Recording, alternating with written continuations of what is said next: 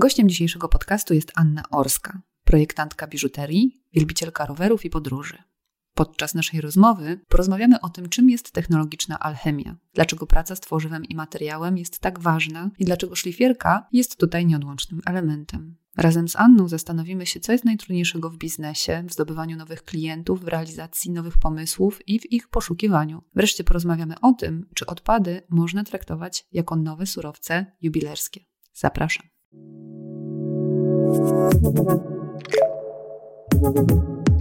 Słuchasz podcastu z cyklu Mistrzowie, realizowanego w ramach strefy designu Uniwersytetu SWPS. Więcej materiałów dotyczących projektowania znajdziesz na design.swps.pl oraz w kanałach multimedialnych naszego projektu na YouTube i Spotify. Zapraszamy! Bardzo serdecznie chciałam Panią przywitać w naszym podcaście i pięknie dziękuję za przyjęcie naszego zaproszenia. Dziękuję za zaproszenie. Chciałabym zapytać, czym jest technologiczna alchemia? Czy jest to coś blisko takiej koncepcji jak e, wiedza ciała, e, która angażuje ręczną robotę, jej uzależniającą energię, kontakt artysty, rzemieślnika z tworzywem?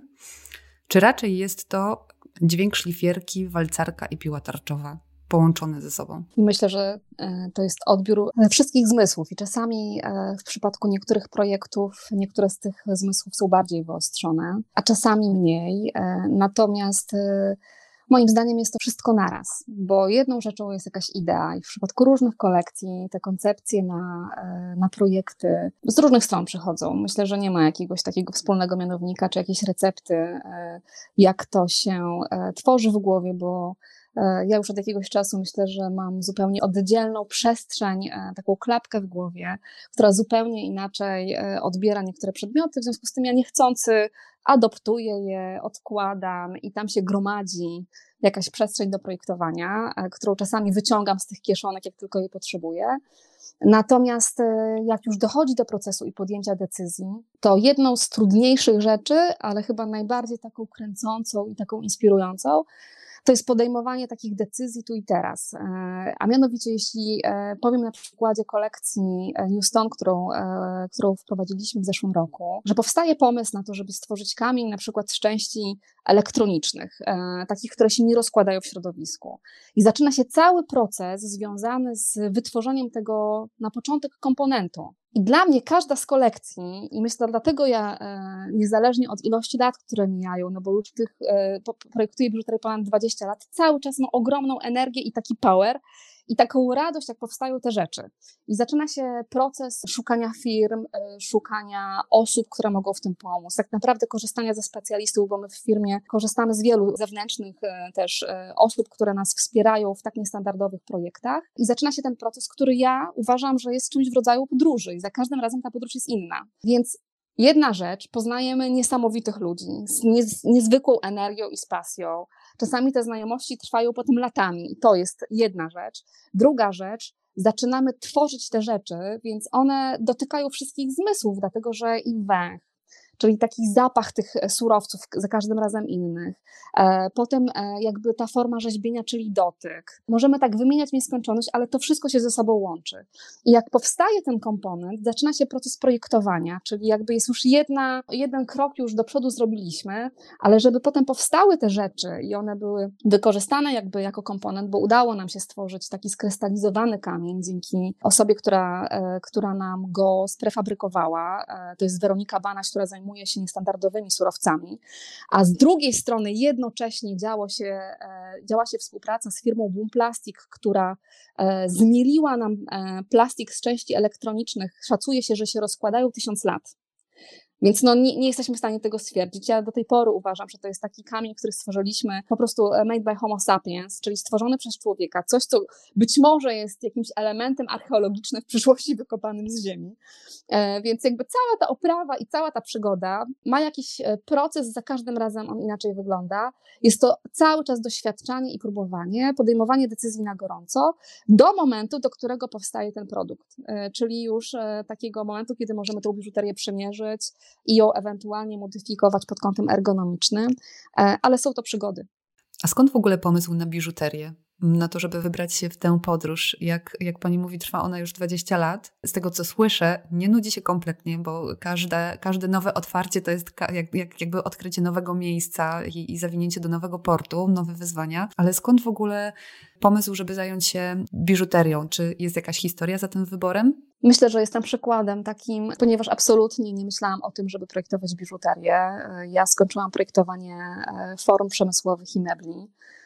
Generalnie cały czas myślałam o jakichś dużych e, formach i, to mi gdzieś tam przyświecało e, w głowie. E, ale w życiu przychodzą, tak przypływają czasami falami różnego rodzaju możliwości, propozycje. Ja jedną z tych propozycji kiedyś chwyciłam, projektując przez 16 lat dla dużej firmy jubilerskiej. I tak jak na początku myślałam, że to będzie taka praca na studiach na chwilę, tak ona mi została do teraz. Bardzo szybko się zachłysnęłam, zakochałam i myślę, że to już jest taki, taka taka, e, jest taki rodzaj formy uzależnienia. Myślę, że tak jak sportowcy uprawiają sporty ekstremalne, to w moim wypadku jest podobnie, bo e, stawiamy sobie e, wysoko te poprzeczki.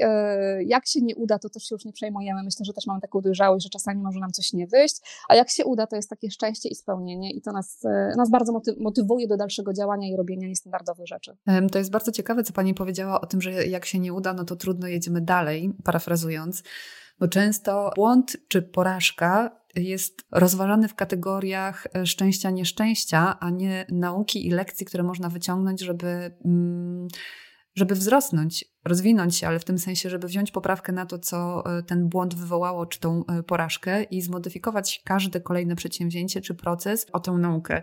Czy dla Pani te porażki i błędy są właśnie takim, powiedzmy, punktem wyjścia, nowym otwarciem? Myślę, że to jest bardzo w ogóle ważny temat do poruszania.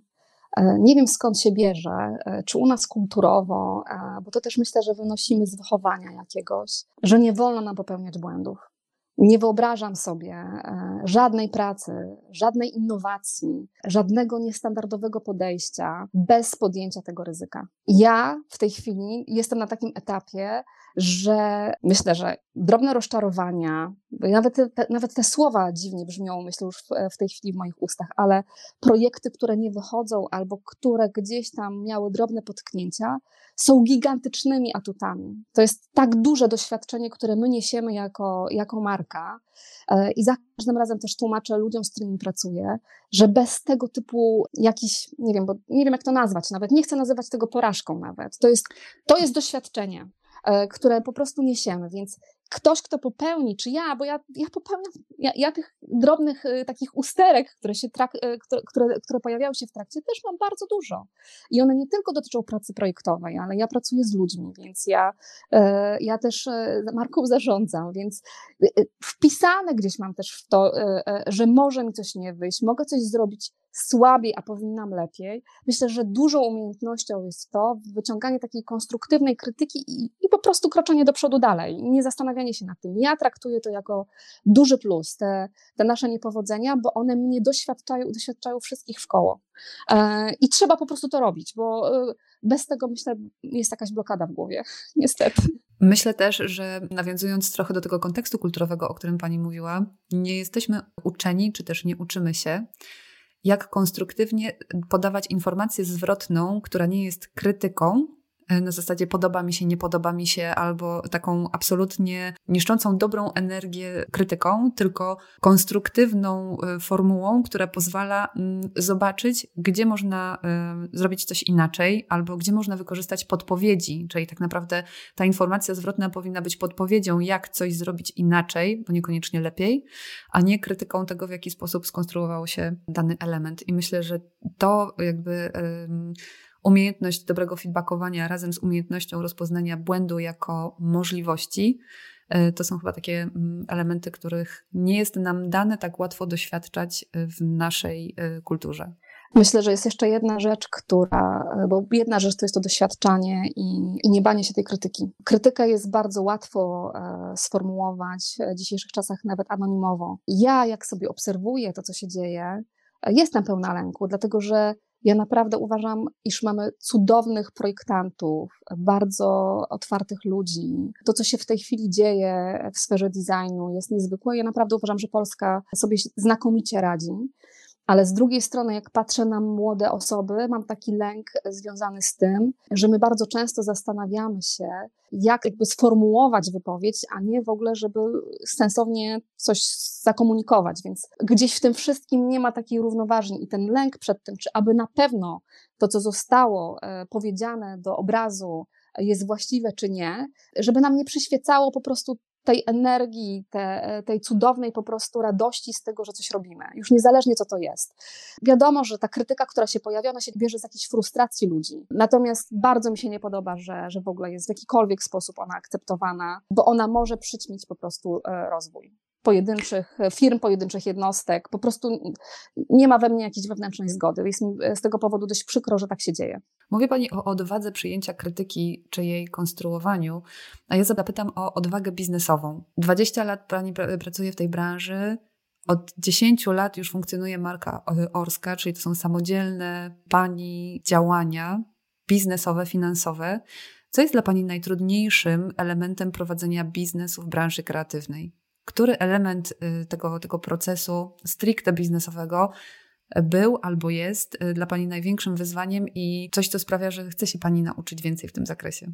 Myślę, że to wynika z jakichś własnych predyspozycji, które człowiek ma, każdy z nas ma inne. To, co wydaje mi się, będę, będzie mi towarzyszyło przez następnych wiele, wiele lat, to jest współpraca z ludźmi, to są relacje. Ja bazuję w dużej mierze na relacjach, one są dla mnie bardzo ważne, ale też e, zarządzanie zespołem, zarządzanie ludźmi e, powoduje, że bardzo się też muszę dużo uczyć. I, ale ja też to lubię, więc nie jestem takim szefem z palcem wskazującym na, nakazowo rozdzielczym, tylko staram się być takim szefem rozumiejącym i jestem szefem też emocjonalnym. Dla mnie bardzo ważny jest zespół zespół, ponieważ ja markę, którą mam, to mam dzięki ludziom, którzy w niej pracują. I ja za każdym razem to zresztą powtarzam, że, że samotnie mogłabym projektować do szuflady, a w tej chwili ludzi, których zgromadziłam w koło siebie, ja po prostu też ich lubię, ja lubię z nimi spędzać czas, jest mi z nimi dobrze.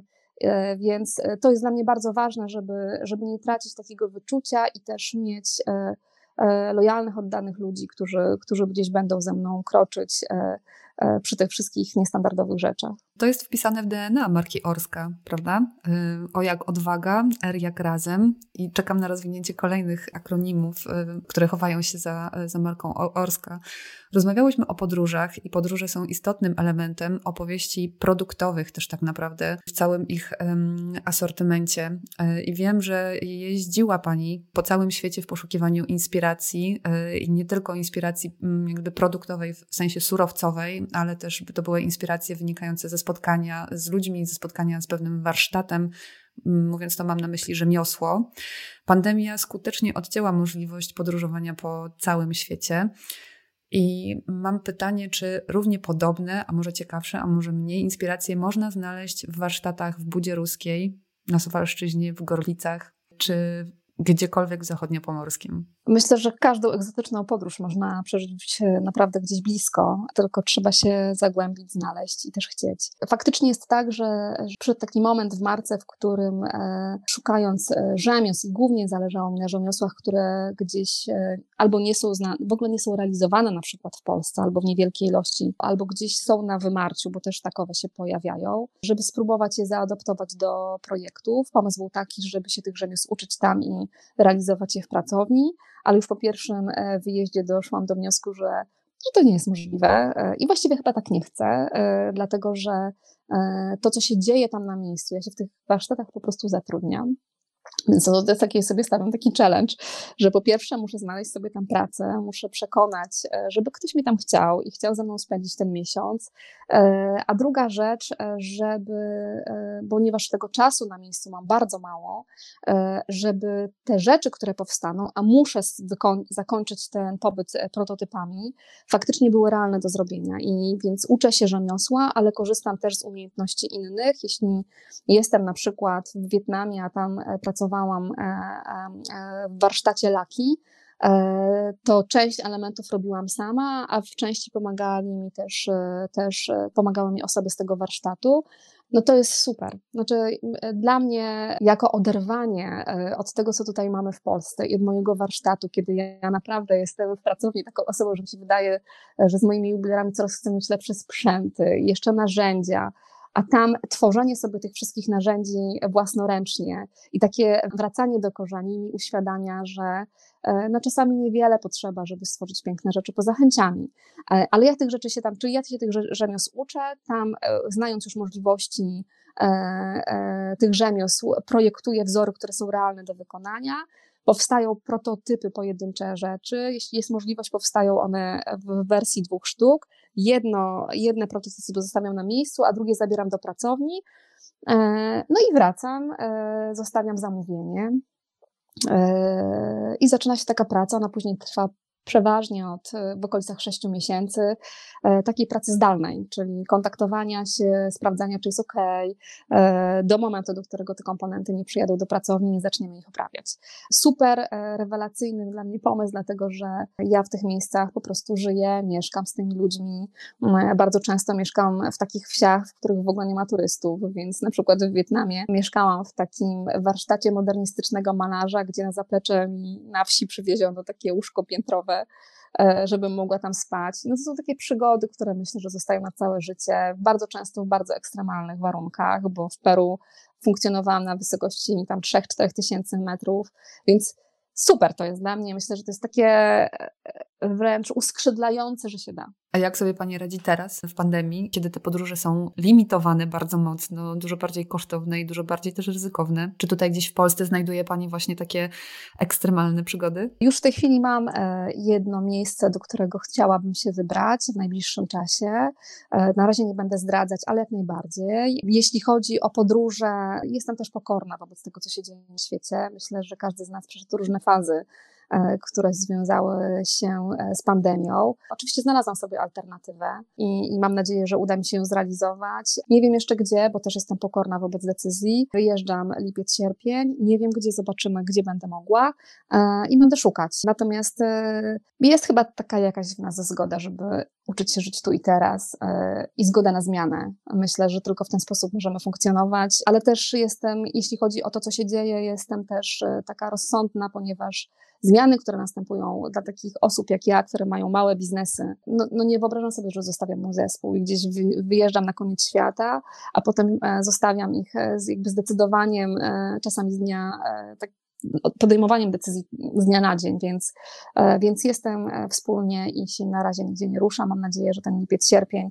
pozwoli mi się wyrwać. Robię wszystko, żeby to było możliwe. Urzekające w Pani projektach jest wykorzystanie mm, nietypowych materiałów do produkcji biżuterii. Szukając informacji na ten temat, czytam, e, że wykorzystuje Pani tysiącletnie drewno z, z grodu Mieszka I, zużyte materiały elektroniczne, elementy samochodów Volvo, ale też mechanizm zegara, który ja mam na palcu, jest to mój pierścionek zaręczynowy.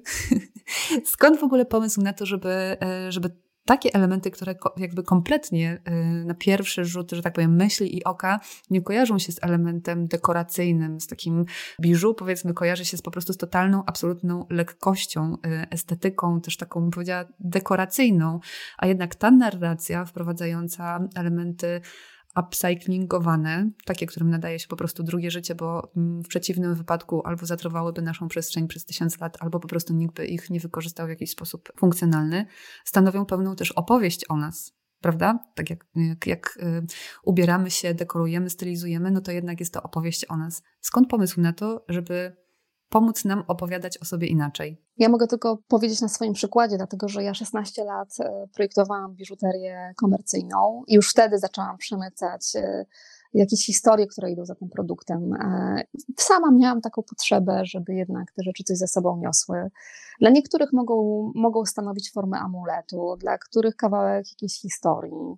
Ważne jest, żeby to niosło jakieś momenty, było sentymentalne, a jeśli wykorzystuję elementy z przeszłości, to myślę, że to ma w ogóle zupełnie jeszcze też inną wartość. Akurat projekt powstania biżuterii z tysiącletniego drewna z Ostrowa Tumskiego, bo to jest faktycznie drewno, z którego zostały zbudowane osady Mieszka I i to jest drewno archeologiczne. Wielu klientów zadawało mi pytanie, czy na pewno nie może tego kupić, ale to jest własność muzeum, więc absolutnie nie. Mnie się wydawało, że jak przyjdzie to drewno, to się stanie coś takiego niesamowicie mistycznego. No, pojawiło się u nas w pracowni w postaci takich kłód, które zostały oznaczone przez archeologów, no i, no i przeszło to nasze też oczekiwania, bo się okazało, że to nie jest takie łatwe, żeby je obrobić. Ono w różnych fragmentach ma różną twardość, ale rzeczy, które powstały, myślę, że to jest świetny pomysł, żeby, żeby stworzyć coś z tych elementów.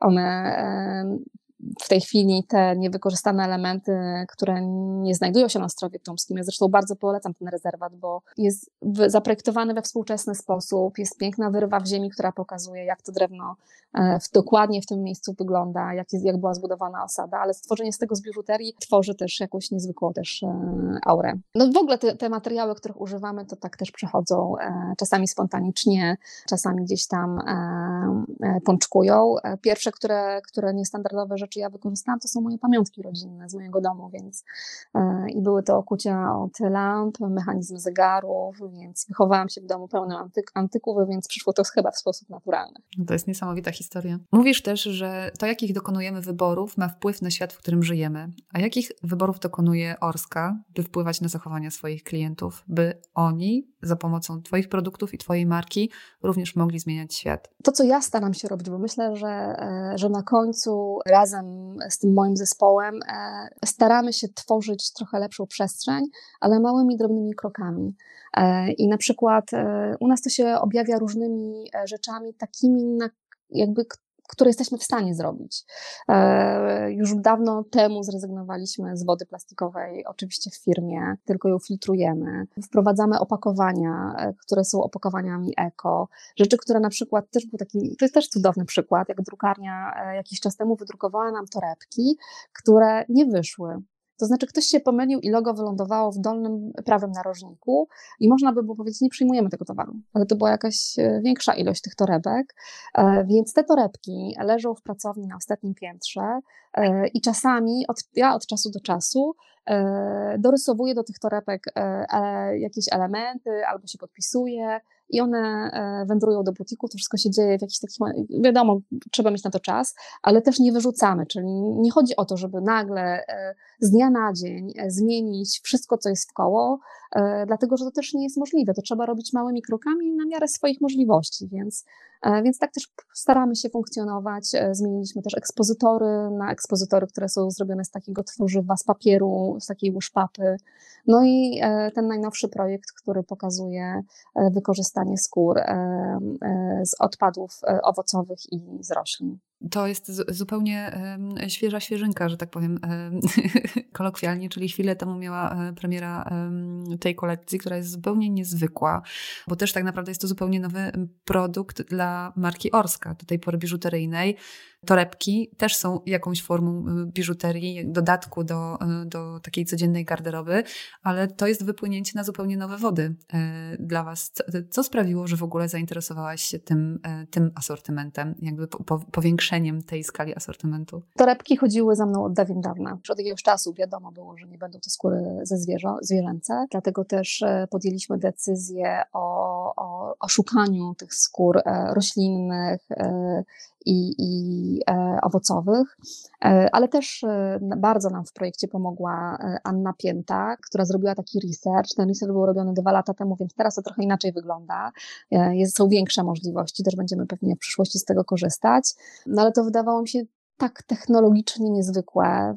Ja nie ukrywam, że wydaje mi się, że tak będzie wyglądała przyszłość, y, pewnie troszkę dalsza, że będziemy korzystać z tych surowców.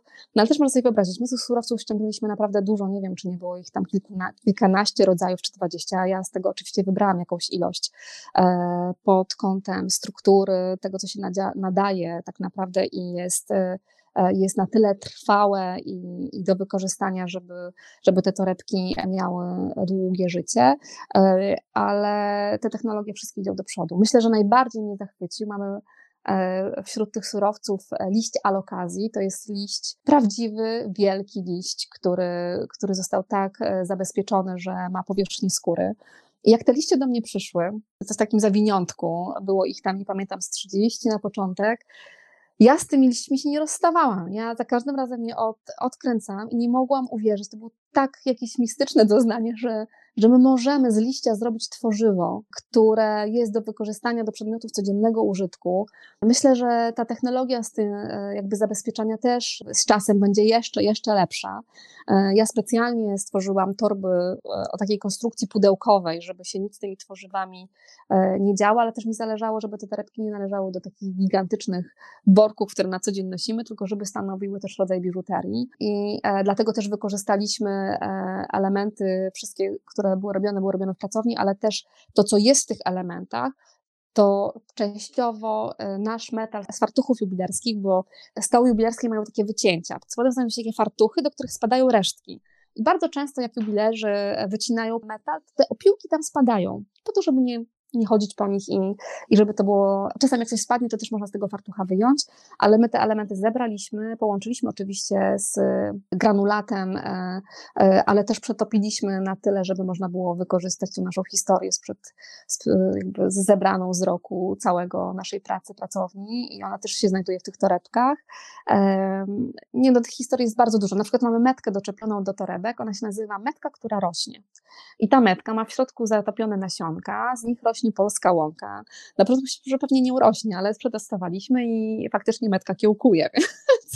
Poza tą, toreb, tą torebkę jeszcze po prostu można ten element podlewać i też sobie może być może wyhodować, e, dbając, e, dbając o, te, o, e, o te produkty. To, co Pani mówi o tym, że tak będzie wyglądała przyszłość, tak myślę, że to jest trochę takie koło, które zataczamy, że wracamy do materiałów, które były nam tak bliskie, że ostatecznie dla nas natura była pierwszym dostarczycielem surowców, które mogliśmy wykorzystać w życiu, w życiu codziennym. Jakaś taka pogoń za ulepszaniem tego, co naturalne, sprawiła, że mm, trochę się w tym zagupiliśmy i jest to szalenie interesujące, że mm, nowe technologie pozwalają nam wrócić do natury i też inwestować w rzeczy długoletnie, takie, które będą nas, nam służyć latami i tworzyć z nami e, swoje historie.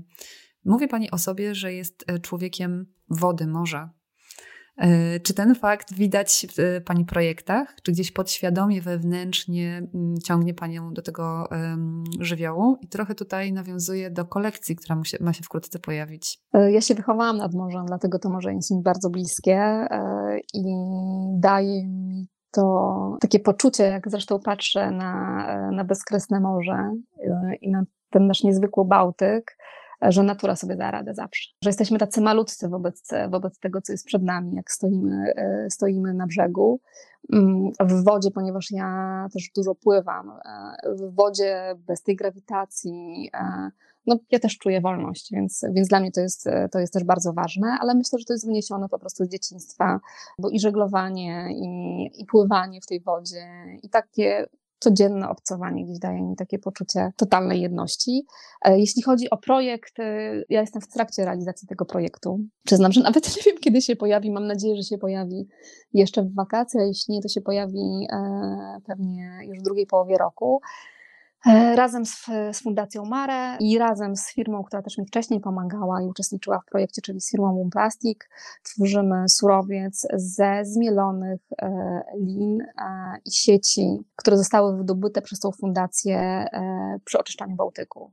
Projekt nie jest łatwy, jest jednym z trudniejszych projektów, ponieważ wszystkie te elementy są z dużą domieszką soli, więc też trzeba e, te, te sieci wypłukać, wyczyścić, zmielić, co też nie jest łatwe i stworzyć jednolitą powierzchnię. Także ten projekt jest w trakcie, rzadko, rzadko zdradzam, ale znając już niektóre procesy, które trwają latami, wola niektóre, i to myślę, że też jest gorąco polecam, marzenia wypowiadać na głos. Jest to zobowiązanie do ich realizacji. Koniecznie, więc nie ma w ogóle możliwości, żebym ja e, nie, e, nie zrobiła tej kolekcji. Nie wiem, jak będzie duża, e, natomiast ten surowiec już udało nam się zrobić, więc teraz wszystko leży w moich rękach żeby to po prostu pięknie oprawić jak szlachetne klejnoty. Zobaczymy, co z tego wyjdzie. Jest Pani doktorem habilitowanym sztuk plastycznych. Co daje Pani takie wykształcenie formalne? Faktycznie przez 10 lat wykładałam wzornictwo. Od dwóch lat e, skoncentrowałam się e, na swojej pracy. Być może jeszcze kiedyś do tego wrócę. Ja jestem tak pochłonięta swoimi projektami, a przede wszystkim wyjazdem też to uniemożliwiały, żeby, żeby płynnie we wszystkich tych rzeczach uczestniczyć. Natomiast e, to, co mi to da, myślę, że to, to jest takie szerokie pojęcie. Daje mi to na pewno takie poczucie, że wiele można, jeśli chodzi o korzystanie z umiejętności innych. Chodzi mi o, o tych specjalistów, że jeśli potrzebujemy w marcu do jakiegoś projektu kogoś, e, to być może to czasami bardziej otworzy drzwi, a czasami mniej. Mamy taką tendencję w Polsce, że nie we wszystkich dziedzinach się łatwo dzielimy tą wiedzą. Jasne, tutaj ekspert z ekspertem rozmawiasz trochę inaczej niż przedsiębiorca z przedsiębiorcą. Ale nie podejrzewam. Myślę, że, że to był taki moment w moim życiu, że e, potrzebowałam też tego i tak też się stało, a teraz jestem w zupełnie innym miejscu, e, więc też trochę zmieniłam swój kierunek. Nigdy się nie zastanawiałam, co mi to daje. To być może coś mi to dało na, na etapie, kiedy faktycznie udało mi się zrobić ten doktorat i kiedy zrobiłam tą habilitację, kiedy byłam na uczelni, to na pewno to jest myślę ważna myśl, bo ja bardzo, ja cudownie wspominam tą pracę. To jest transakcja wiązana też Dlatego, że z jednej strony ja przychodzę z ogromnym swoim doświadczeniem, ale z drugiej strony dostaję młodość i świeżość i myślę, że taki, taka pigułka jest rewelacyjna. Tutaj chciałabym zapytać o kondycję edukacji projektowej w Polsce, bo jak Panią słyszę,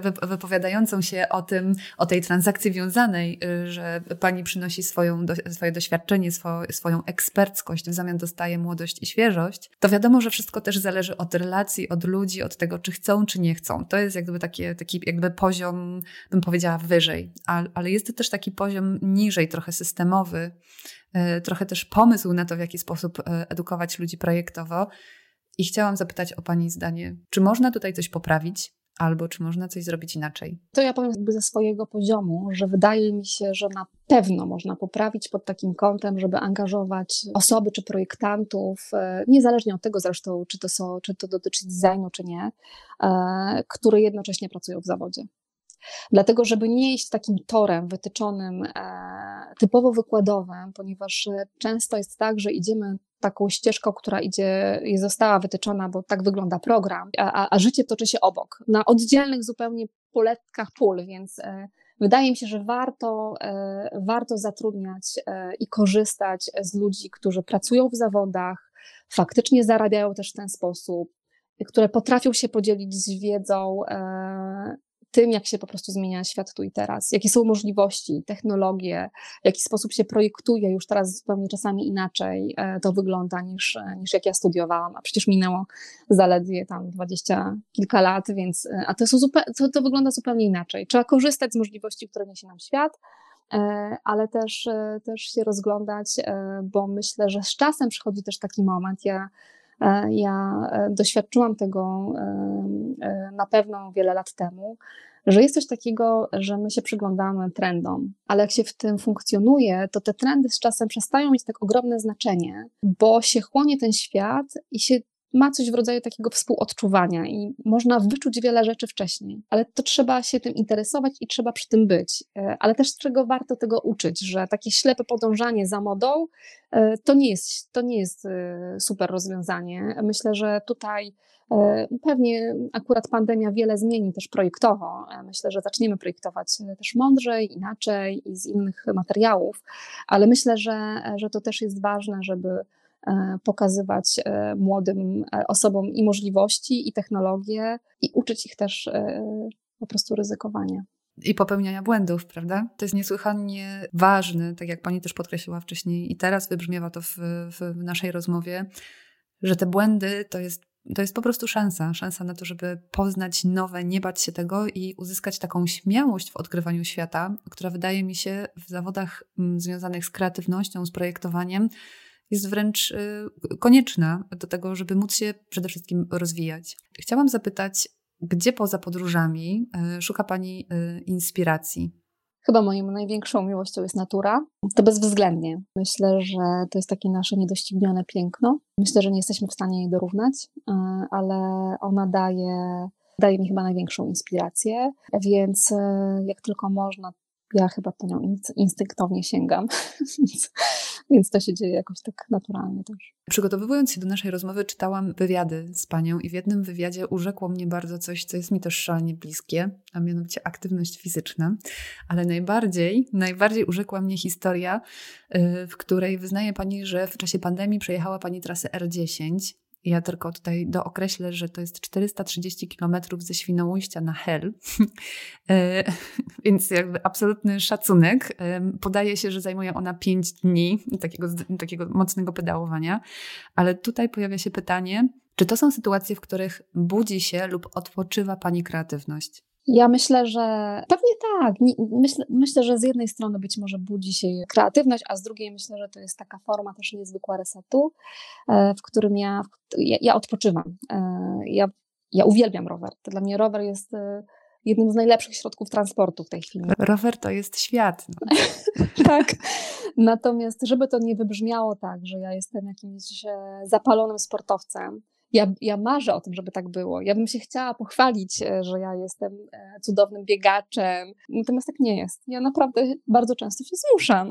Ale to myślę, że każdy walczy ze swoimi słabościami z opcją e, chciałabym, a rzeczywistość. Jestem szczera do bólu. Bardzo bym chciała być zapalonym sportowcem.